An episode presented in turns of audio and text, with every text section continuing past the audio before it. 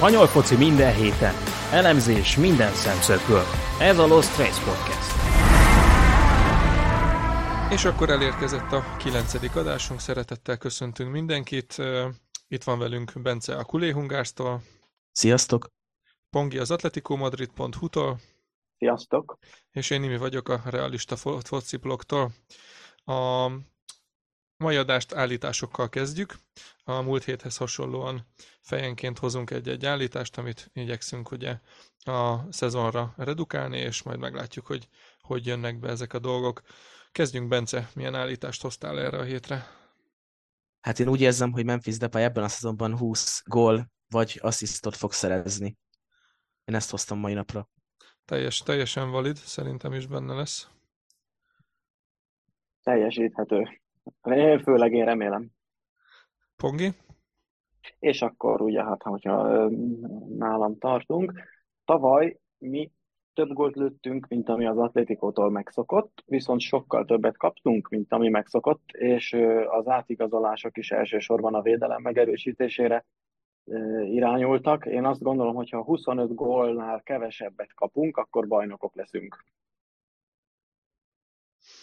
Mm, az Hú, ez elég erős, de amúgy tetszik. Hát ez teljesen ez racionális. A, a meccsenként fél gól lenne 19 kapott gól, tehát hogyha mondjuk ilyen 0,6 körül kapsz, vagy még egy picivel talán a fölött, ugye, akkor, igen, majdnem 0,7-et meccsenként, akkor is, akkor is 25 alatt vagyunk, tehát ha az, a nagyon hatékony atlétikó védekezés visszatér, akkor ezzel az egyébként már igen ütőképes támadó szekcióval és a támadóbb felállással, amihez visszatértünk a tavalyi szezon második felében, ezzel szerintem meg lesz. Ha sikerül a 25 gólnak kevesebb. Na, ez, ez komoly.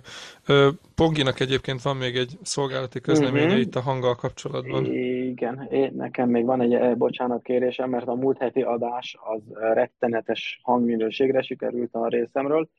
Az adás közben a, a Imi és Bence nem hallották még, hogy ennyire rosszul ö, rögzül a hangom, de aztán amit leképzett a Zoom, abban már teljesen, teljesen pöszének tűntem, úgyhogy elnézést, ha ez valakit zavart, én még keresem azt a mikrofont, amibe bele tudok szeretni, és addig azzal a, a balga reménnyel futottam neki, hogy egy, egy, egy, egy ilyen jó telefon az normális hangot tud rögzíteni. Most próbálok még a lehető legjobb hangminőséget hozni, és aztán lesz nekem is egy ugyanolyan mikrofonom, mint a két kollégámnak. És ezt tudni kell, most pongi nyaralni van, úgyhogy ha most valami olyan van a hanggal, hogy úgy érződik, hogy rosszabb hangminőség, ez ennek is köszönhető, hát ez, ez benne van. És akkor én is hoztam egy állítást. Itt láttam a, az Almeria meccsét a hétvégén, és pályára lépett a második félidőben Sergio Arribas, a Real Madrid Castillától igazolt számomra nagy sajnálatomra, hogy nem kap majd lehetőséget a Reálban, hát ha később igen. Amit vele kapcsolatban hoztam az, hogy a következő tíz meccsen legalább hatszor kezdő lesz. Én elfogadom, és igen, hát ha, jól, ha jól kezd, mint ahogy jól is kezdett, akkor meg tud ragadni a kezdőben, és egyébként nem véletlenül vették, meg lehet, hogy nem hozták nyilvánosságra, de vannak azért általában hasonló esetekben háttér egyezmények, amikor kötelező is sokat játszatni, de ha tényleg úgy játszik, ahogy az első fordulóban, mint mondod, akkor, akkor meg persze nem is csoda, hogyha megmarad a kezdőben, vagy legalábbis sokat játszik. Nem is véletlen, ugye így a második fél időre szállt be, de az egyik legjobbja volt a, a második játékrésznek. És akkor a hírekkel folytatjuk, most már rövidítünk ezen a blokkon, mert bejöttek ugye a fordulók, viszont azért voltak így is események. Egyből egy botrányjal indult a szezon itt a Hetafe Barcelona mérkőzéssel kapcsolatban. Az edzők elég eltérő narratívájú nyilatkozatokat tettek a mérkőzésen tapasztalt mm, egyéb hát játék, illetve e, bírói hozzáállással kapcsolatban. E, Xavi konkrétan azt mondta, hogy a La Liga mint termék szégyen, Bordalász pedig azt mondta, hogy meg kell védenünk a, a ligát, mert hogy ez a mi termékünk. Hol az igazság, és mit tehetne ez ügyben Javier Tebas? Mit gondoltok erről? Na hát szerintem elég szégyen az, szerintem, hogy öt piros lapot osztottak ki az első fordulóban, már a legelső fordulóban. Nem hiszem, hogy az összes ilyen eset megérdemelte a piros lapot, meg sokszor tapasztalom azt, hogy egyes játékosok, vagy egyes eseteknél nem osztanak ki elég sárgát, vagy túl durván játszanak, és nem, és a bírók ezt ugye tolerálják is, és egyszerűen nehéz úgy egy mérkőzésen jól szerepelni, hogy közben összezúzzák a lábarat. Számomra ez, ez elkeserítő, hogy nagyon félvezetően értékelnek a bírók, és nem lehet kitapasztalni azt, hogy ez a szabálytalanság, ez mindig piros lapot, vagy mindig ságlapot ér, vagy éppen nem. Én is így látom, de ez még, ez még csak a bíráskodás része, de maga az, mint La Liga márka, az pedig folyamatosan zuhan a sülyeztő felé, és olyan újításokat meg szabályokat hoz a liga irányító testülete, amik, amik miatt mi is már korábbi adásokban kikeltünk azok ellen. És sajnos szerintem egy olyan spirálba keveredett már bele a liga, ami, ami nagyon rossz irányba vezet, és, és folyamatosan egyre rosszabb szituációba kerül majd ez a brand, mint brand, akár a Premier League mögött, akár, akár az olasz ligával összehasonlítva, akár még a Bundesligához képest. És Tebas pedig egy olyan viselkedésformát mutat, amit, amit a hullócsillagok szoktak, tehát ő most ezt a pökhendi választ adja mindenre, hogy már pedig mi vagyunk a legnagyobb bajnokság, meg mi vagyunk a legjobbak, meg cinikusan válaszol, hogy Xavi ellene, vagy bárki ellen elkezd éppen személyeskedni. Tehát nem a, nem a problémára reagál, és nem is a konstruktív, vagy akár egy kicsit, kicsit agresszív, de mégis konstruktívnak is használható kritikára, hanem elüti a kritikát, és hát ilyenkor szoktak aztán nagyot bukni emberek vagy, vagy brendek. Rossz az irány. Itt ugye említetted az új szabályokat, gondolom itt elsősorban itt erre a ami csak a La Ligára jellemző, itt ez a mikrofon a, az ivószünetben, meg a, a félidőben, meg, meg hasonlókra gondoltak. A, azt tudni kell, hogy, a, hogy ezek az új szabályok, amik most bejöttek a, a kemény játék engedését illetően, illetve a hosszabbításoknak a megnövelését illetően, az nem csak a La Ligában, a Premier League-ben is ugyanúgy bevezetésre került. És... Sőt, a magyar NB1-ben is nem is erre gondolok én, én inkább arra gondolok, hogy amikor a, a, például az, a Barszával és a Reállal hadakoznak, hogy a, az El Clasico nevet azok Igen. nem használhatják. Én az ilyenekre gondolok. A zajmikro, vagy hát az ivószünet mikrofon, az nem hiszem, hogy ez rossz, ezzel ha közelebb akarják hozni a meccseket az emberekhez. Ha nagyon muszáj lenne választanom, mert fegyvert fognak a fejemhez, akkor azt mondanám, hogy ez egy jó döntés évtizedek óta látjuk már vízilabdában, kézilabdában, kosárlabdában, az emberek ezt szeretik, itt is fogják szeretni, mert betekintést nyernek olyan helyre, ahol, ahol addig nem volt betekintésük, de az ilyen dolgok, amikor az utolsó centet még ki akarják facsarni mindenből és mindenkiből, és ennek sok esetben alá is rendelnek fontosabb dolgokat, a szurkolók számára fontosabb dolgokat, akkor, akkor én azt kell, hogy mondjam, hogy ez egy rossz irány. Mondjuk itt az öltöző kamera és mikrofonokkal kapcsolatban már viszont elég sok játékos kifejtette az ellenvéleményét, hogy az egy privát szféra, ott legalább hagyják őket békén. Ez mondjuk ezzel egyet tudok érteni. De mondjuk most itt a hétvége alatt én nem láttam ilyet, mert meccsek szünetében éppen mosdó és egyéb tevékenységben rohangáltam. De viszont azt viszont a hosszabbításokkal kapcsolatban mindenképp meg akartam említeni, hogy a, ez a megnövelt hosszabbítás a közvetítéseket viszont kinyírja, mert a Real meccs az ötödik percben kapcsolódtunk be, mert a másik még zajlott, és azt végigkövették. A Barca meccsbe szintén valahol a harmadik percben, de ha jól emlékszem, talán, hát nem tudom, az atleti az talán az elejétől ment, de abban se vagyok biztos. Szóval katasztrófa. Mivel, hogy ugye nem, az, az egy egyszeri meccs volt hétfőn, így aztán az ugye tudott menni, nem, volt ott is másik meccs. Jó, a Szádiz Eleves ment előtte, 19.30-tól. Csak az lehet, hogy hamarabb véget ért, már most abban nem vagyok biztos. 15, hát várjál csak. Hát az, ő, én mikor oda kapcsoltam egyébként a meccs elején, akkor még közben tettem, vettem, úgyhogy most bizisten nem emlékszem, hogy néhány meccset, néhány percet késett a közvetítés, vagy nem, mivel hogy előtte egyébként a hétvégén több meccset láttam, például magyart, amiknél szintén volt ilyen késés, úgyhogy most nem tudnám már megmondani, hogy pont ez a meccs késette, de hogyha ez egy rendszer szintű probléma, és azt már akár két hét alatt lehet látni, akkor ezzel utána fognak valamit biztosan kezdeni, hogy kicsit széthúzzák a meccskezdéseket, mondjuk nem kettőkor kezdődik az első, hanem egykor, és mindegyik között fél órával több van, mint amennyi eddig volt tervezve, és akkor, akkor ezt még vagy negyed órával akár, és akkor ezeket pont ki lehet küszöbölni. Én még mindig az állórára szavazok, mert szerintem a játékosok is jobban tudják követni azt, hogy látják azt, hogy 86. perc, akkor még 4 percünk van hátra, és egyszerűbb lenne megállítani az órát, és nem az van, hogy oké, okay, letelik a 90 perc, de nem tudjuk, hogy 6 percünk lesz, vagy még 10 perc, vagy éppen 20 percet hosszabbít a bíró. Nem tudják az edzők, hogy hogyan taktikázzanak, mondjuk a 84. percben, hogy most cseréljünk, vagy még inkább várjunk, most nem tudjuk, mennyi lesz a hosszabbítás. Aztán szerintem az állórával sokkal egyszerűbb lenne, megáll az óra, hogyha kint van a labda, vagy éppen nincs játékban, időt ugye felesleges húzni, és sokkal pörgősebb lenne maga a bajnokság, meg az összes mérkőzés.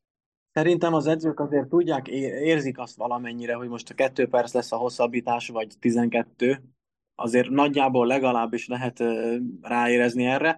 Másrészt viszont ezt csak egy bajnokság, abba se vagyok biztos, hogy egyáltalán megteheti a spanyol szövetség, de ha meg is teheti, akkor milyen, erő, milyen előnnyel, vagy akár milyen hátrányjal járna szerintetek az, hogy tényleg csak 90 percet játszanak a spanyol játékosok, míg mondjuk az angolok, németek, olaszok játszanak a 90 helyett 108-at, és amikor összekerülnek egy bajnokok ligája döntőben, akkor ki az, akinek jobb lesz az állóképessége, mert hozzá van szokva a hosszabb ter- terhelésre. Azért az a 10 perc, negyed óra az nagyon-nagyon nagy különbséget tud ilyen helyzetben jelenteni, ha egész szezonban különböző módon edződnek. Ilyen biztos, hogy nem lesz, az szinte kizárt. Szerintem sem. Nem, az, az csak egységesen lehet ilyet bevezetni, ez abba biztos vagyok. Ugye itt viszont több játékos már ez ellen is kikelt, mert ezek a, hát most ugye ilyen 100 perces meccsek jöttek ki többségében, és az most összeszámolva az eddigi hosszabbításokat, meg a mostaniakat, valami olyasmi számítást olvastam, hogy négy meccsenként egy plusz meccs hozzájön. Tehát, hogy a játékosoknak sokkal többet időt kell a pályán tölteniük, úgyhogy már ez ellen is megint mm-hmm. kikeltek, hogy ezzel megint többet kell nekik úgymond hajtani, és hogy ezt már nem fogják fizikailag bírni, mert több is a meccs, és még azok is hosszabbak, úgyhogy ennek előbb-utóbb valamilyen mhm. gátja kell, hogy legyen nem, akár a sorcserékkel, ha más nem, de egyébként ugye itt Csavi is az állóórát említette meg, hogy legyen tiszta játékidő, és egyébként szerintem is több értelme lenne, mert a játékosoknak se lenne értelme húzni az időt. Haladjunk is tovább, mert az időnk repül, és van még témánk. A, ugye egy mai breaking news, Alemani távozik a Barcelonától, és Deco lesz a sportigazgató.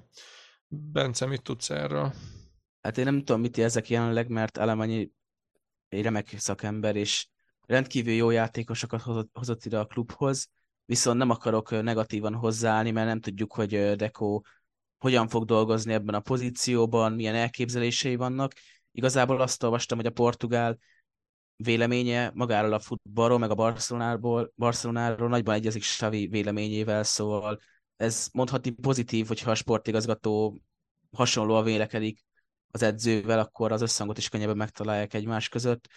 Viszont Alemennyi egyszerűen remek szakember volt ennél a klubnál, aztán hát nem tudom, mit érezzek, de bízok benne, hogy Déko is remekül fog dolgozni igazából.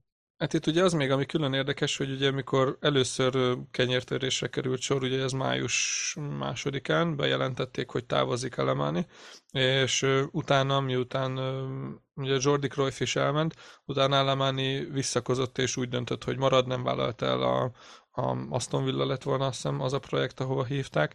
Ezt nem vállalta el, és akkor egy olyan nyilatkozott tett, hogy hosszú ideig itt akar még maradni, hogy ez a világ legjobb klubja, stb. Tehát ezek a szokásos bevett lózungok. És amit ma olvastam, ott érdekes volt, azt mondták, hogy a, a Barcelona azt bejelentette, hogy Alemani távozik, viszont azt nem jelentette be, hogy mégis marad. Azt csak Alemani nyilatkozta, és hogy most a mai nyilatkozatban ugye nem azt nyilatkozta a Barcelona a hivatalos kommunikében, hogy Alemani távozik, hanem hogy Deco lett a sportigazgató, és Alemani a korábban bejelentetteknek megfelelően távozik. Viszont ez a nyár folyamán egyébként nem volt kommunikálva, tehát most úgy elég hideg zuhanyként érte a, a Barcelona szurkolókat és volt, ahol úgy említették meg, hogy közösen fogják a feladatot ellátni. Hát a Barszánál most ezek a kaotikus állapotok vannak. Hát ez ugye csak szeptember másodikáig Igen. lesz így, amíg be nem zár a piac, és utána Alemáni távozik. Én is azt olvastam most, hogy oké, hogy Elmani távozik, de viszont még a következő átigazási időszakon ő fog dirigálni. Hmm, szóval nem csak ezen, elég érdekes, a mostanin. De... Csak a mostanin, másodikán, szeptember a másodikán. Én azt olvastam, hogy a következőn is. Én úgy tudom, hogy nem. A, a közleményben az van, hogy szeptember igen, másodikán távozik. Hát igen, az van, csak közben ezt olvastam, hogy nem tudom, nagyon sok portálon, hogy még ő fog dirigálni, úgyhogy már nem tagja a csapatnak. Szóval ezért, hmm. ezért kaptam fel a fejemet erre a hírre, nem tudom, hogy ebből mi igaz, mi nem. Annyit tudunk, hogy szeptember másodikától Déko lesz a sportigazgató, aztán kívánom neki, hogy jó döntéseket hozzon, és vigye a klubot magasabb hát szintre. Maradjunk itt is annyiban, hogy majd idővel meglátjuk. Ja. A harmadik témánk pedig az Atletico kölcsönadása volt. Ugye Santiago Mourinho a Zaragózához távozott, és ezzel már hat fiatal játékosa van kölcsönben az Atletinak, bocsánat, hét. Ez ugye a rekord a jelen állapotban a spanyol bajnokságban, egyedüli listavezető ebben a témában az Atletico, ugye többségében spanyol első és másodosztályú klubokban. Mennyire szokott ez beválni, Pongi? Vannak visszatérő, visszaérkező fiatalok, akik aztán beépülnek? Vannak időnként visszaérkező fiatalok, akik aztán beépülnek, bár azt lehet azért mondani, hogy az olyan, hát azok az igazán nagyok, akik sztárok lettek, úgymond ők azért nem mentek többször is, több fél évre, vagy akár több évre kölcsönbe a másodosztályba. És én nem is vagyok ennek egy nagy rajongója, hogy a másodosztályba adjunk kölcsönjátékost mondjuk 22 évesen, mert ha ott már nem kíváncsi rá egy, egy gyengébb első osztályú klub, akkor az egyrészt már egy jelzés valamire, másrészt még, hogyha be is fog érni jobban, akkor meg nem feltétlenül az a, az, az előnye neki, nem válik előnyére, hogyha másodosztályban edződik csak. Például akkor már, eh, akkor már sokkal érdekesebb az, hogy kölcsön adtuk a, a Sturm Graznak uh, Javi Serránót 20 évesen, és uh, én nem is igazán értem, hogy egy ilyen osztrák élcsapat, vagy akár a, a Fradi, vagy egy Crvena Zvezda miért nem, miért nem kooperál valamelyik nagyon nagy nyugati klubbal, mert ott már az, azért van egy-két olyan 20 éves játékos, akit már nem feltétlenül a másodosztályba akarnak kölcsönadni, ő meg nem szeretne a kiesés ellen harcolni, hanem mondjuk szívesebben játszik a Sturm Grazban hétről hétre szerdánként egy nemzetközi kupameccset, és, és küzd az osztrák bajnoki címért, azért ott is egyfajta mentalitást tanulsz, amikor, amikor az élen vagytok, és egy osztrák Bundesligában vagy, hát talán, hogyha a magyar nb 1 nem is hozhatjuk egy erős példának, de, de lehetne olyan több olyan lehetőséget biztosítani, hogy ne a másodosztály középcsapatához menjen valaki, hanem akár Ausztriába ö, nemzetközi kupameccset játszani. Tehát Havi Serrano szerintem vissza tud térni, szerencsétlen Giuliano Simeone ugye rögtön durván lesérült, bár ő is az Alavesnél volt, tehát ő legalább első osztályban, és ami érdekes, az éppen Santiago Mourinho esete, aki 21 éves, és most rögtön kölcsön adtuk a másodosztályba. Valahogy lehet, hogy mi félreértettünk valamit, de azért nagyon sokan azt gondoltuk, hogy ő egy rendszeresen játszó játékos lesz, és ehelyett, ehelyett azonnal kölcsön adtuk bármiféle mér, komolyabb mérlegelés nélkül, vagy hát ez, ez így valószínűleg nem igaz, mert az, edzés, az edzéseken azért Simeone heteken keresztül látott rajta valamit, amit mi nem láttunk, és biztosan amiatt adtuk kölcsön, de ez egy kicsit meglepő volt, és a legrosszabb értelemben Santiago Mourinho-tól vártunk azért egy kis meglepetést, hogy akár a kezdőbe is beverekedheti magát hamar. Való igaz, neki egyébként nincsen spanyol állampolgársága, az se előny. Most én azt nem tudom, hogy ő emiatt kellett mennie, de, de kicsit keserű szájízzel veszük tudomásul, hogy ő is el kellett, hogy menjen rögtön kölcsönbe, ráadásul a másodosztályba. És ha már keserű szájéz, mi lesz Joao félix -el? Megint kölcsönbe megy? Hát vele kapcsolatban már csak keserű szájéz van. Ugye ő szeretne elmenni, és volt annyi esze, hogy ezt be is jelentse sajtótájékoztatón, meg hogy a Barszához akar csatlakozni, a Barsza ugye vevő is volt rá, vagy hát, úgy értve, hogy nyitott volt rá, de ő náluk baj van a játékos, beszerzéssel, úgymond, tehát ők nem tudják ezt most megengedni maguknak. Szaudarábiában tárgyalt az ügynöke Mendes, de oda meg nem akar menni Joao Félix. Nálunk pedig, hogy hogy tud megmaradni, azt nem tudom. Be lehetett már ide építeni a Reáltól vett Jorentét, be lehetett már itt több embert, nem tudom, mikor De Paulnak volt balhéja, hogy egyszerűen lelépett Miami-ba bulizni, és, és azt hazudta, hogy a beteg családtagja miatt kell Dél-Amerikába mennie. Ő is utána tudott vezekelni, és, és vissza tudta őt fogadtatni a szurkolók szívébe, Simeone. Úgyhogy itt, itt viszont egy egész más helyzet van, mert Joao Félix Simeone miatt akart elmenni a télen, mert nem akar vele dolgozni, tehát itt ezek után már nem tudom azt elképzelni, hogy, hogy Simeone vissza tudja őt építeni, mert valószínűleg erre a szándék sincs meg egyik oldalról sem. Ez a játékos, mivel Mendes az ügynöke, a végén biztos, hogy valahova kölcsön fogja adni. Ez, ez akkor nem kétséges, hogyha ez, ez a cél, akkor ezt biztos Mendes megoldja.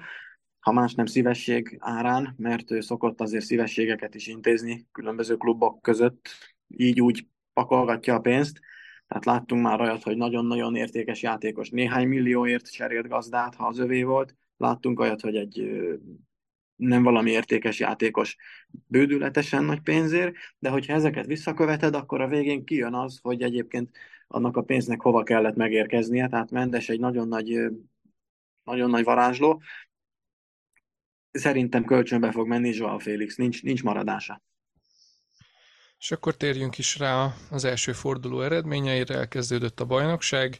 Ugye pénteken már két meccset játszottak, az elsőn Almeria Rayo Vallecano 0-2, a másodikon pedig Sevilla Valencia meglepetésre 1-2 a, a Valenciának.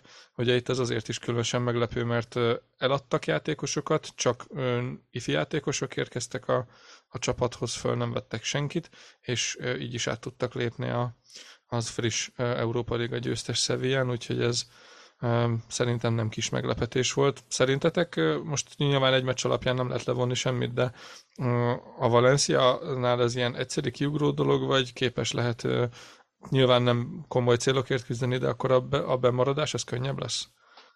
Ez alapján, a meccs alapján, amit itt láthattunk, mondhatni a bemaradás megvan már a csapatnál, viszont egy meccs alapján nem sok mindent tudunk levonni. Lehet, hogy egy jó napjuk volt, motiváltak voltak a fiatalok, hogy elkezdődik a bajnokság, aztán hurrá játszunk.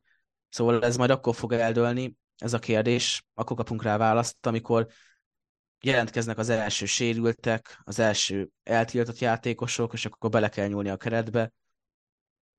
Szerintem ez így fog történni majd. Most igazából sok mindent nem tudunk levonni ez alapján, viszont bíztató, hogy ez a Valencia nem az a Valencia lesz, aki a bemaradásért fog küzdeni, hogyha így játszik hétről hétre. Szerintem pedig ne felejtkezzünk meg arról, hogy éppen ma, tehát a, a felvétel idejéhez képest, most 13 perc múlva a Sevilla Európai Superkupa döntőt játszik a Manchester City ellen. Igen, az se egy utolsó dolog. Ez se egy utolsó dolog, a Valenciánál pedig a, főleg az ifisták, akik hosszú ideje ott nevelkednek, biztos, hogy lesznek ki. Lehet, hogy a végén kiesnek, lehet, hogy akár odaérnek a BL helyre, de az biztos, hogy mindent úgy fognak tenni, hogy ők most, ők most a városuk klubjáért, gyerekkoruk klubjáért, a nevelő egyesületért játszanak, biztos, hogy lesznek rutintalanságból adódó röhelyes vereségek, biztos, hogy lesznek kiugró bravúros győzelmek, hogy mi lesz a végén a szezonnak, azt majd akkor meglátjuk, de az biztos, hogy a lelkesedés az bennük van, és az is biztos, hogy a Sevillának nagyon fontos dolga van ma, azaz 16 a szerdán 9-től Szombaton a Real Sociedad Girona mérkőzéssel kezdték a napot, ugye ez 1-1 lett, a Girona az nagyon jó lesz idén, akkor Las Palmas Mallorca szintén 1-1, és a napot az Atletico Bilbao Real Madrid meccsel uh, zártuk, hogy ez 0-2 lett, de erről még fogunk beszélni.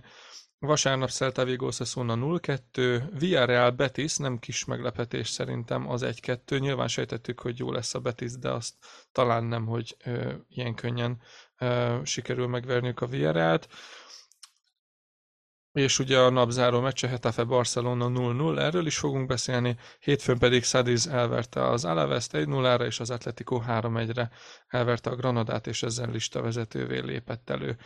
Nézzük akkor az első kiemelt meccsünket, ugye szombaton Atletic Bilbao Real Madrid meccset rendeztek, ez ugye 0-2-vel zárult. Itt, amit ki szeretnék mindenképp emelni, az ugye itt Bellingemet nagyon felajnározták a mérkőzés után, nem véletlenül, tehát tényleg a, a mezőny egyik legjobbja volt, és én azért mondom, hogy egyik, mert Bellingham vitte a látványos részét, viszont a, annak a szabadságnak, amit ő kapott, az, az, az a szabadság, amit ő kapott, az annak is köszönhető, ahogy a társak játszottak körülötte. Itt mindenképp kiemelném Alábát, aki egyébként ilyen, hát nálam ő lett a meccsembere, de de nyilván ez nem van le Bellingham érdemeiből, mert Alaba ez a ahogy szokták mondani, szürke eminenciás szerepét játszotta, és egyéb, ő, ő adta a legtöbb pontos paszt a mérkőzésen, hihetetlen rutinnal, és különösen a Militao sérülése után éreztem úgy, hogy még, még majdnem, hogy biztosabb lábakon állt Alaba, nyilván ez most nem Militao ellen szól, és hát itt most megemlíthetjük a Real Madrid egy hét alatt összeszedett két keresztszalag szakadását, úgyhogy hát ezt nagyon nehéz szurkolóként hova tenni, de, de mindegy, ezen, ezen most túl kell lépni. Hát én Bellingham gólra miért, nem értettem, hogy miért ment a, az ellenfél szurkolói tábor elé ünnepelni. Szóval ezt a részét nem értettem, nyilván nagyszerűen játszott, de azért megvannak a maga határa a játékosainak, hogy mit szabad csinálni, és mit nem éppen, mert igazából ezt szerintem csak arroganciából csinálhatta, vagy más nem tudok mondani, más magyarázatot erre. Nem hát tudom, hogy látod. Egy, egy vendég stadionban nem nagyon tudsz a saját szurkoló táborod elé menni, pláne, hogy a Spanyolországban föl vannak száműzve a vendégszurkolók egy ilyen kakasülő szektorba. Tehát most nem tudom, eleve nem ott ültek a rászurkolók fönt, mert ugye az a képeken nem látszik, meg a meccs felvételen sem látszott. Most az, hogy oda ment, ugye általában szögletzászlóz kifutnak mindegy melyikhez, és akkor ünnepelnek. Bellinghamnek Dortmundban is ez a karszétáros gólöröme volt, azzal még szerintem nincs is semmi baj, mert ugye jöttek a csapattársak, átelelték minden oké, okay, és ott még nem is volt úgy igazából népharag, hanem miután a csapattársak ugye leakaszkodtak a nyakából, és elindultak a középkezdés felé, akkor Bellingham újra ugyanúgy széttárta a kezét még egyszer, és arról készültek ezek a fotók, mikor ő egy maga áll ott a, a táborral szemben, és na az, azt mondjuk én sem tudtam hova tenni, azt ott írtam is erről egy posztot, és elég vegyes felvágott volt az, ami érkezett rá szurkolói észrevétel, még a rászurkolóknál is úgy, hát meg is értik, meg ugye, hát nem, nem tudom, én, én nem tudom őszintén hova tenni, de reméljük, hogy mm, ez lesz a legnagyobb problémánk vele kapcsolatban. A játék az, az kifogástalan volt.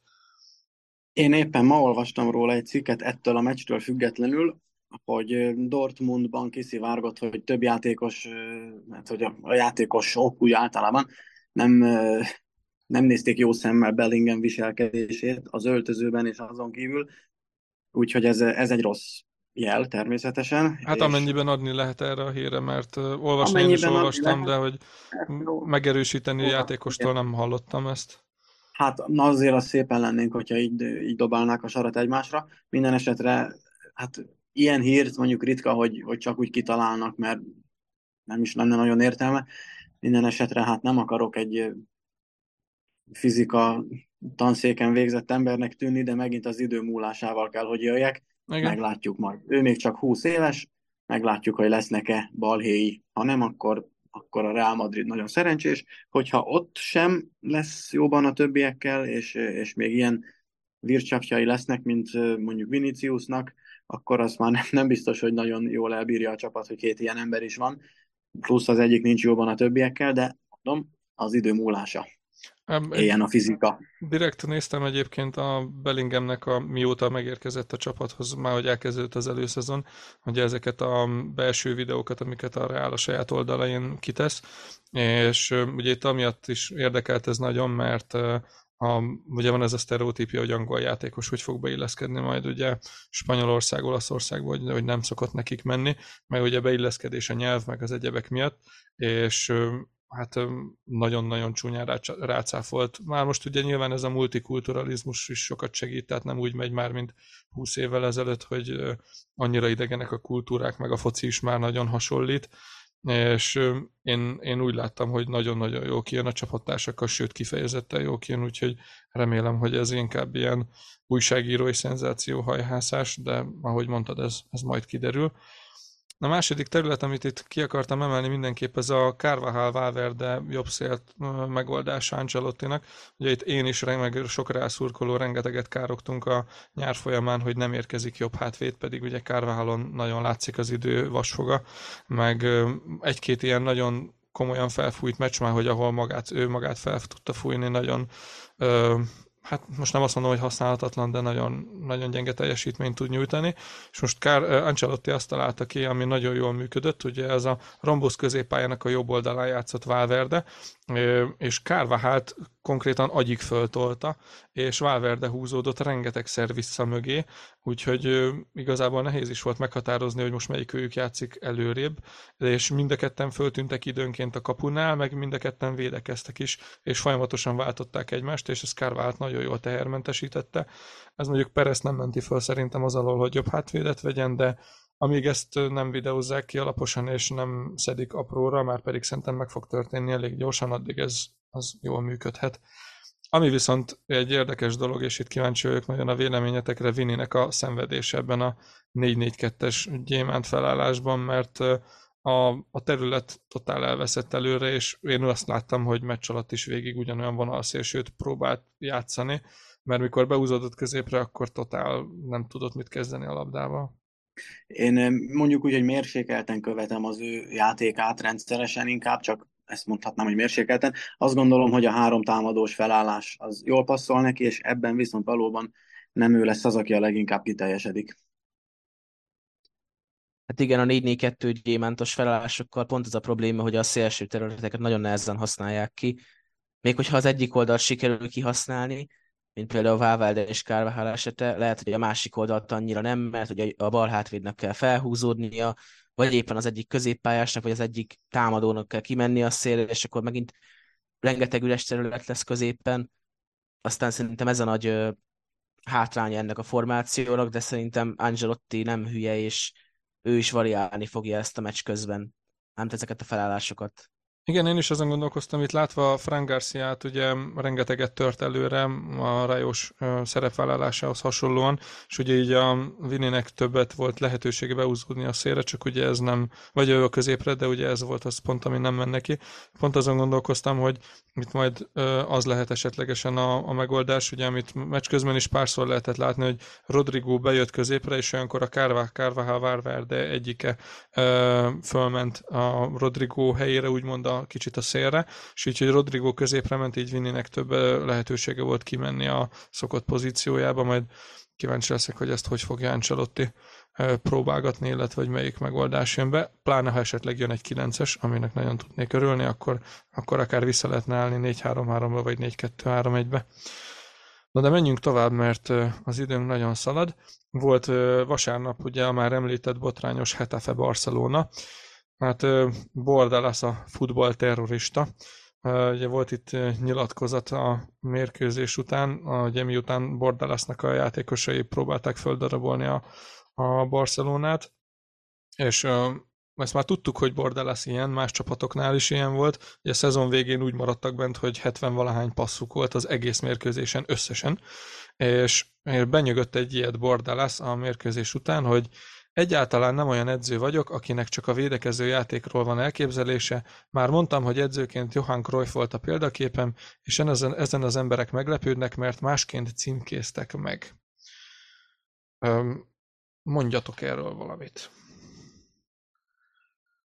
Hát én nagyon régen láttam már ilyen mészállást, mint ami történt a Barca meccsen. Egyszerűen azt nem értem, hogy miért csak egy piros lapot kaptak a, hát a fejátékosai ezt az egy dolgot nem értettem meg.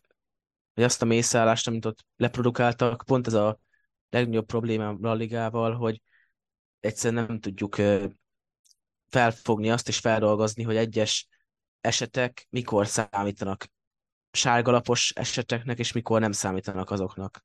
Én a bordalászról azt gondolom, hogy mindenkinek megvan a joga arra, hogy saját magáról legyen valamilyen véleménye, akkor is, hogyha az eltér attól, mint amit mások gondolnak róla és szerencsére nem az én feladatom az, hogy őt, ha téved, akkor jobb belátásra térítsem. Másrésztről pedig valóban ez a bíráskodás már sokszor kitértünk rá, az a spanyol bajnokságban nagyon hát egyedi, és ezek a dolgok se feltétlenül segítenek az átláthatóságán, hogyha most majd esetleg mindenki hallhatja, hogy mit beszél egymás között a vezetőbíró meg a varbíró, mert ha eddig rendszerint azt nyilatkozta utána a, a szövetség, hogy baromi jó volt a játékvezetés, akkor most én hiába fogom hallani, hogy ők mit beszélnek egymás között, ha utána meghoznak egy rossz döntést, mint korábban, és ugyanúgy azt fogja mondani a szövetség, hogy jó volt. Akkor hiába hallom, ahogy ők egymás között megbeszélik, hogy ki mit gondol róla, az nem segít, és nem is lesz az ítélet jobb tőle. És, és, és mi se tudunk mit csinálni szurkolóként. Van, aki majd ezen jobban felidegesíti magát, van, akinek teljesen indiferens lesz, hogy ezt most hallhatja, de az nem megoldás erre. És tényleg, hogy, hogy ne lehessen azt ezen a legfelsőbb szinten tudni, mert ez azért nem olyan, hogy az egyik megyében így állnak hozzá a másik megyében pár száz kilométerrel arrébb úgy, ez a La Liga. Itt, itt akkor el kéne dönteni, hogy mi piros, mi sárga. Akkor, akkor több bíró kell, hogy legyen a VAR szobában, és akkor ők beszélik meg, vagy nem tudom, hogy mi lehet a megoldás, de valamilyen megoldást kell találni. Igen, ez nekem például az NFL-nél nagyon tetszik, hogy ott ha szabálytalanságot vagy bármit befújja a játékvezető, akkor a stadionhoz neki a fülese hozzá van kapcsolva, csak megnyom egy gombot, és akkor a stadion hangszóróiba belemondja, hogy mi a szabálytalanság, ami miatt befújta. És így a szurkolók azonnal tudják, hogy konkrétan mit fújt be. És most nyilván nem az, az nem jelenti azt, hogy nem fognak akkor tévedni, de legalább tudnánk, hogy miért fújta be, illetve a másik, ami itt érdekes, itt a Premier League-nél is volt a hétvégén, hát hétfőn azt hiszem a Manchester United Wolves meccsen hasonló játékvezetői botrány, és másnap, ha jól emlékszem, vagy ma, a a PL bírói, nem tudom pontosan ott milyen ö, bizottság van, de a lényeg az, hogy bocsánatkérés történt, elmagyarázták, hogy mi történt, mit néztek be, és elnézést kértek, és kész. Tehát, hogy nem tartják magukat tévedhetetlennek, mint a, a spanyol játékvezetők. Igen, ez az egyik, a másik pedig, hogy azért a labdarúgásban nem azt kéne megmagyarázni, hogy egyáltalán mit fújt le, hanem a leggyakoribb félreértés, vagy inkább érthetetlen dolog az szokott lenni, hogy ez miért csak sárga, ez most miért lett piros, és ezt ugyanúgy nyugodtan elmondhatná, elmondhatná, hogy ez most ilyen erőbevetés volt, olyan akármicsoda, csak az mondjuk, ha téved, azon továbbra se segítene. Én pedig pont azt olvastam, és remélem, hogy megvalósul, hogy most már mi nézők is, vagy hallgatók hallhatjuk azt, hogy mit beszélnek majd a varszobában, a varszobában a bíróval. Szóval szerintem ez rendkívül pozitív, hogyha például van egy eset, amit éppen tárgyalnak, akkor mi is szemtanúi és fültanúi lehetünk annak, hogy éppen mit tárgyalnak, mit Ez vizsgálnak, és miért azt a döntést hozzák. Ez mikor Ez csak egy felröppent hír, olvastam, hogy ja. be fogják ezt vezetni. Hát nagyon kéne, mert... Hát remélem minél, minél előbb. Igen, hát erről beszéltem én is az előbb. Itt ezen a, meccsen, ezen a meccsen nagyon hasznos lett volna, hogyha ez működik. Ugye volt egy Damian Suarez, ha emlékszem, Gündohánnak konkrétan a melkasába könyökölt egy párharcnál, de aztán nem is volt utána labda, és ugye Gündohának ott beszorult a levegő, hát akinek szorult már, azt tudja, hogy milyen vacak érzés, úgyhogy ezt ott, azt ott meg lehet érteni, az minimum sárga. Most, hogy piros-e vagy sárga, azon lehet vitatkozni, de sárga minimum, és Damian Suareznek volt még ilyen megmozdulása, illetve a meccs után kikerült videókon többször is lehet látni, hogy milyen hát ilyen lelki terrort tolt a Hetafe meccs közben, tehát amikor teljesen máshol járt a labda, nézték, hogy mondjuk Rafinha sétált előre, és akkor a, most nem emlékszem, Jenny vagy melyik játékos volt, aki őt fogta ott, és szándékosan úgy szlalomozott, hogy összekoccanjanak, és föllökte Rafinhát, meg de más játékosokkal is ez előfordult, tehát hogy nagyon mocskos és alattomos dolgokat műveltek a, a hete feljátékosok. Ez például a varnak simán be kéne venni a szabályrendszerébe, hogy az ilyen amikor nincs is ott a labda, akkor ne kelljen már egymáshoz érniük a játékosoknak, tehát akkor, akkor ez utólag, ha látja a var, akkor szóljon a bírónak, hogy osszon két sárgát ennek, mert ez történt. Tehát ez, ez, ez nem foci, ez birkózás, és ennek itt semmi értelme. Ami még ugye itt a meccs végéhez hozzá tartozik, a végén volt egy 11-es gyanús szituáció, amit vizsgált a VAR, és ott ugye Gavi kezezés miatt nem lett, mert ugye ráugrott talpon rúgta a játékos, amiatt lett volna büntető, de Gavi kezezése miatt végül nem adták meg. Na most itt uh, utána néztem a legfrissebb szabálykönyv, az MLS-nek fönt van az oldalán, és ott azt írja, hogy a hónajnak az alja, régen ezt úgy kommunikálták, hogy a rövid ujjú meznek az alja, de azt, ezt most visszavonták már, nem tudom, tavaly, és lényeg az, hogy a hónajnak az aljáig, addig a vonalig az válnak számít, alatt a kéznek, és ott a visszajátszásokon úgy látszott, hogy ez pont a határvonalon volt, és itt ez nagyon szubjektív, hogy ki minek ítéli, itt a bíró kezezésnek ítélte. Hozzáteszem, hogy ugyanilyen volt egy vagy két évvel ezelőtt, akkor Vinicius-tól ugyanúgy elvettek egy 11-est, mert ugyanoda pattant pont, mint most Gavinak. Ilyen egyedi esetek viszont mindig lesznek, úgyhogy szerintem ezt már nem, nem kell megfejtenünk. Igen, volt egy másik eset is, amikor a Hetafe védő ének a cipőjéről felpattant a kezére, és az se volt büntető. Igazából azt se értettem, hogy az miért nem volt kéz. Hú, az a baj, hogy ott már most elvesztem abban, mert voltak változások szinte évente, hogy ez a testről hova pattan a labda, és akkor, hogy ott mi számít kéznek, úgyhogy ezt most erre nem akarok hirtelen butaságot mondani. Hát én úgy tudom, hogy ha a labda irányt változtat úgy, hogy mondjuk hozzáér a kezéhez, akkor az már annak számít, mert hogyha mondjuk súrolja véletlen, de azért nem változtatott direkt irányt, vagy nem kezd el másik irányba pörögni, akkor az, az éppen még nem az, vagy még határeset, vagy hogyha mondjuk úgy rúgják rá, hogy a játékos nem tudja már elhúzni a kezét, vagy éppen a keze csak azért volt ott, mert felugrott, szóval ez nagyon nehéz nyilván ezt így megfogalmazni, hogy minek számít, de az, hogy a saját cipődről rápattan a saját kezedre, azért hát az elég érdekes. Igen, hát meg ugye itt majd még csak annyi ehhez, hogy majd akkor meglátjuk, hogy mennyire lesz ez mókás a a többi csapat szurkolójának, mikor a mi csapatunk játszik majd a Hetaf ellen, mert akkor szerintem mi is hasonló élményekben fogunk részesülni. De az Atletico Madrid még nem a Hetafével játszott, hanem a Granadával.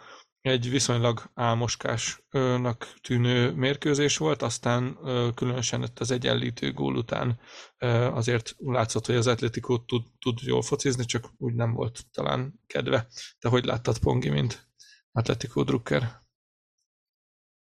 Én úgy, hogy ez egy nagyon kétarcú meccs volt valóban, megvoltak ezek az álmoskás momentumok, de megvoltak a nagyon biztató momentumok is, és igen, az egyenlítő gól után érdekes volt, amikor a, a, az újonnan bevezetett ivószünet mikrofonba, ha lehetett hallani, hogy Simeone mondja, hogy támadni fogunk, és utána fel is élénkült a csapat. Depa is nagyon jó teljesítményt mutatott. Kicsit álmos kezdés, valószínűleg minden csapatnál, ha csak nem véletlenül minden tökéletesen összejön, akkor azért vannak álmos periódusok egy meccsen. Ebből az egy meccsből nem tudnék sok mindent levonni. Személyesen azt gondolom, hogy Szöjüncsi nagyon jól beválik, reményeim szerint. Úgyhogy én bizakodó vagyok, tényleg a védelmet még egy kicsit azért ennél jobban kell stabilizálni, a támadójátékot meg felébreszteni, vagy mondjuk, hogy lendületbe hozni, formába lendülniük kell, és akkor, és akkor ez még jó lehet, de most még én nem tudok ítéletet mondani. Nem volt rossz meccs. A védekezéssel kapcsolatban ugye sok játékos érkezett a védelembe, tehát hogy annak tényleg idő kell, mire összeszoknak, megismerik egymás gondolatait, úgyhogy szerintem nem lesz azzal hát, baj. Csak, csak nem a... játszottak, vagy hát nem, azért nem lehet azt mondani, hogy teljesen le lett cserélve a, a védelem, mert ugyanúgy a pályán volt még Savic is. Savic is, igen, Aspilicueta kezdett az Reméltük, hogy helyette érkezik azért némelyik védő, de hát nem. Hát jó, ez az első meccsen szokás az új játékost, akkor is a sztár a kispadon kezdetni, és akkor beáll majd a fél időben, vagy ilyesmi. Mm-hmm. Ugye itt Aspilicueta volt az egyetlen, nála mondjuk valahol érthető ennyi idősen, ilyen tapasztalattal, hogy egyből kezdő. Süljöncű meg ugye mm-hmm. a második fél időben jött be, de szerintem amint Süljöncű formában jön, szerintem Savic repül a kezdőből. Nekem az a gyanúm. Igen, én is ezt gondolom. Aspilicueta igen jó volt, és mondjuk érdekes, hogy éppen Savic kapta a második legjobb, a harmadik legjobb osztályzatot a, a csapatból, a kezdőből, de hát ennek ellenére Hát majd összehoz egy-két pirosat szezon közben, ne, és akkor... Nem feltétlenül játszik ő sem minden meccsen rosszul, de én hosszú távon tartok tőle, úgyhogy hát persze sok sikert neki, ha jól fog játszani, legyen ő a kezdő mindig, de azért jó, hogy van most már mélyebb merítés, mint, mint tavaly. Meg ha már ennyire a védelemről beszélünk, én szeretnék kiemelni egy játékost, aki, aki támadó, ő pedig Memphis Depay, és azt vettem észre, hogy főleg egy ilyen szervezett, védekezőbb stílusú csapatnál ez a játékos, aki képes megbontani az ellenfél védelmvonalait, képes be szörfözni az ellenfél védői mögé, pont új lendületet, új dinamikát tud hozni a csapat, csapathoz, és ez pont meg is látszott ezen a mérkőzésen, és hát én tudtam, hogy be fog válni, vagy sejtettem, hogy be fog válni ennél a csapatnál Depay, viszont azt nem gondoltam volna, hogy ekkora különbséget fog jelenteni. Mielőtt még itt rámegyünk, mert itt fölírtuk ezt a Depay kérdést. Carrasco-ra térünk még ki, ugye volt róla szó, hogy ő a, a Barszáthoz távozhat, volt rá tán opciója a Barszának, de ez egyelőre nem történt meg. Viszont itt ezen a meccsen talán ő volt a, a, a legjobb játékos, legalábbis ahogy én láttam. Itt fölírtam egy-két statot, négy kulcspassz, 12-ből 8 megnyert párba, és 4-ből 3 sikeres csel, illetve a támadások jó része az az ő lábán keresztül ment, különösen azok, amiknél ugye gól is lett, azt hiszem talán a harmadik ment Griezmann oldalán, úgyhogy Carrasco nagyon biztatóan kezdte a szezont. Igen, a legjobb osztályzatot is ő kapta, és baromira jellemző Carrasco-ra, hogy ö, róla kaptuk a gólt is. Tehát, stabil. tényleg, tényleg. Ne, nagyon stabil. Nagyon elcselezte magát stabil. tényleg a 16-os sarkánál. Na de ott, ahol eszedbe se jutna cselezni, Igen. ő ott elcselezte magát, kapunk róla egy volt, legalább utána megemberelte annyira magát, hogy ugye 4 per 3 csele bejött, pont a negyedik az, abból meg gólt kaptunk, de így nem lehet csinálni. Így nem lehet csinálni. Stabilabban kéne egy kicsit, mert utána valóban a legjobb osztályzatot ő kapta, és, és ezeket a remek statisztikákat hozta, amit mondasz. Mm, de kicsit, kicsit néha, főleg most már ennyi idősen nem lehet azt mondani, hogy ő egy, egy fiatal idióta, és, és nem, nem, nem érett meg a feladatra, hanem azért ennyi idősen most már neki ezt tudnia kéne, hogy nem kezdek el a ugye 30 éves, most már két hét múlva, nem lehet azt mondani, hogy elkezdek ott cselezgetni. Mert lesz olyan meccs, akkor lehet, hogy éppen a Real Madrid ellen is rugunk hármat, csak, csak ott kapunk is hármat, és akkor a negyedik gól, amit kapunk, az lesz ebből a hülye hibából, és akkor gürizhetünk, hogy rugunk a Bernabeu-ba három gólt, hogyha egy pontot se ér, mert a negyedik cselét elcseszi, ott, ahol eszébe se kéne, hogy jusson cselezni. És ha már hülyéket említettünk, akkor beszéljünk Morátáról. Bocsánat, ezt a személyes mindegy. szóval Morata vagy Depay? Itt ez itt a nagy kérdésem. Az első fél időben ugye Morata játszott, és valahol nem tudom, második fél idő eleje közepé került, na, a második fél idő eleje közepe körül került be Depay a pályára, Hát Morata ugye szerzett egy gólt ugyan, de konkrétan elépattant a labda egy totál vétlen szituációban, viszont amiket megkapott komoly zicsereket, azokat mindet kihagyta, meg hát volt egy-két olyan reklamálása semmire, amit nem is nagyon tudtam hova tenni, de pályellenben egészen fantasztikusan játszott, és a csapat is sokkal magabiztosabb volt. Mi a közvélekedés az Atletico táborban, hogy kellene esetleg Depaynak játszani a Morata helyett? Közvélekedésről nem tudok. Moráta egy megosztó személyiség, akit, akit sokan én is egyébként szeretem őt, mert lehet, hogy sok, sőt biztos, hogy nagyon sok helyzetet kihagy, de mégis, mégis sok gólt szerez és más, más típusú, más típusú játékosok, már egészen más. Lehet, hogy Morata elé oda pattan és az belövi, de akkor ahhoz neki mindig ott kell lennie, ahova pattan a labda. Depay meg egy sokkal erősebb felépítésű csatár, ő jobban lő messzebbről. Két különböző játékos, mindig a helyzetnek megfelelően kellene szerintem választani, tényleg Morata nagyon megosztó az atleti táborban, Depay, Depayról én is úgy vélekedtem, hogy többször kéne játszatni, mert ő is ugye relatíve eredményes volt, tehát a játék időhöz képest sok gólt lőtt, és akkor végül is a diskurzus során engem pont azzal győztek meg a, a szurkolótársak, hogy rendben, ő egy nagyon jó csereember, amikor beáll és már fárad az ellenfél, akkor ő nagyon jó teljesítményt tud letenni, de ez nem feltétlenül jelenti, hogy ő meg kezdő kéne, hogy legyen meg, az is működne. Tehát két különböző stílus, és az, hogy nem kell választani. Hogyha van három-négy jó támadód, még jobb eset persze, hogyha négy, akkor őket lehet úgy alkalmazni, ahogy a helyzetnek kívánja.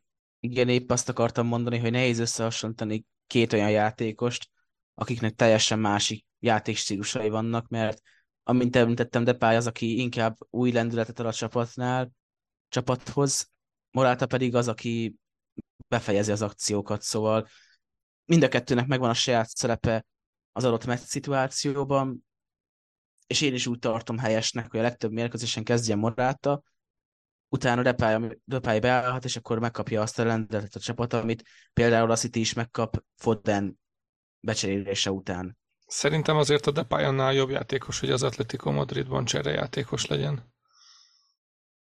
Hát Morátát mondtam, de Depayt akartam. Nem tudom, mit mondtam, de Depayt akartam. Depayt mondtál, Depayt mondtál. Jó, hát akkor harcoljon meg a helyért, és hidd el, hogy lesznek olyan meccsek, amikor ő a, amikor ő a megfelelő választás kezdőként, akkor, akkor őt fogja betenni Simeone.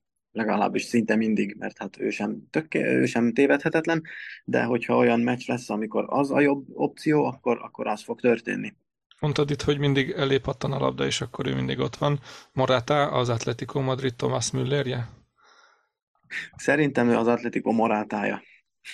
Szerintem elég, elég egyedi játékos ahhoz, hogy, hogy ő már saját maga lehessen.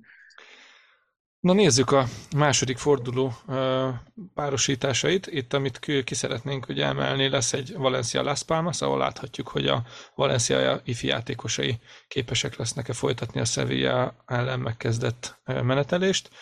Akkor lesz szombaton egy nagyon jó Osasuna Athletic Bilbao mérkőzés, ami ugye most még a szezon elején vagyunk, de akár a, a kupaindulásért folyó versenyben komoly fegyvertény lehet, hogy itt kinyer, és a forduló slágermeccse az a Betis Atletico Madrid lesz. Mik a várakozások, Pongi? Igen, ez nehéz ott Szevijában. Nehéz dolga szokott lenni mostanában az Atlétikónak, úgyhogy én egy nagyon kemény meccsre számítok.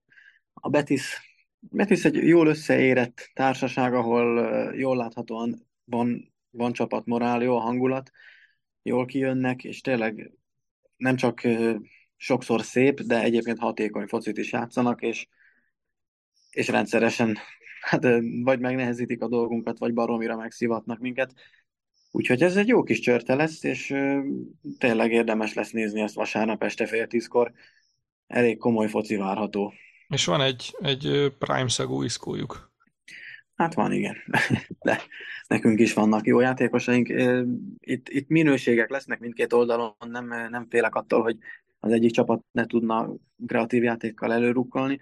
Úgyhogy tényleg én, hát ez egy, a Betis ellen játszunk, nem a Barca vagy a Real ellen, és mégis ez egy olyan meccs az elmúlt már jó pár évben, amit izgalommal lehet várni, és, és minőségi focit lehet rajta látni kifejezetten.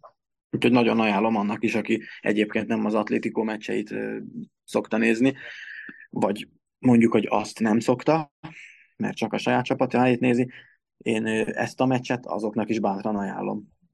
Mind a Betis, mind az Atlético miatt, mert ez a párosítás ez most már rendszerint jó.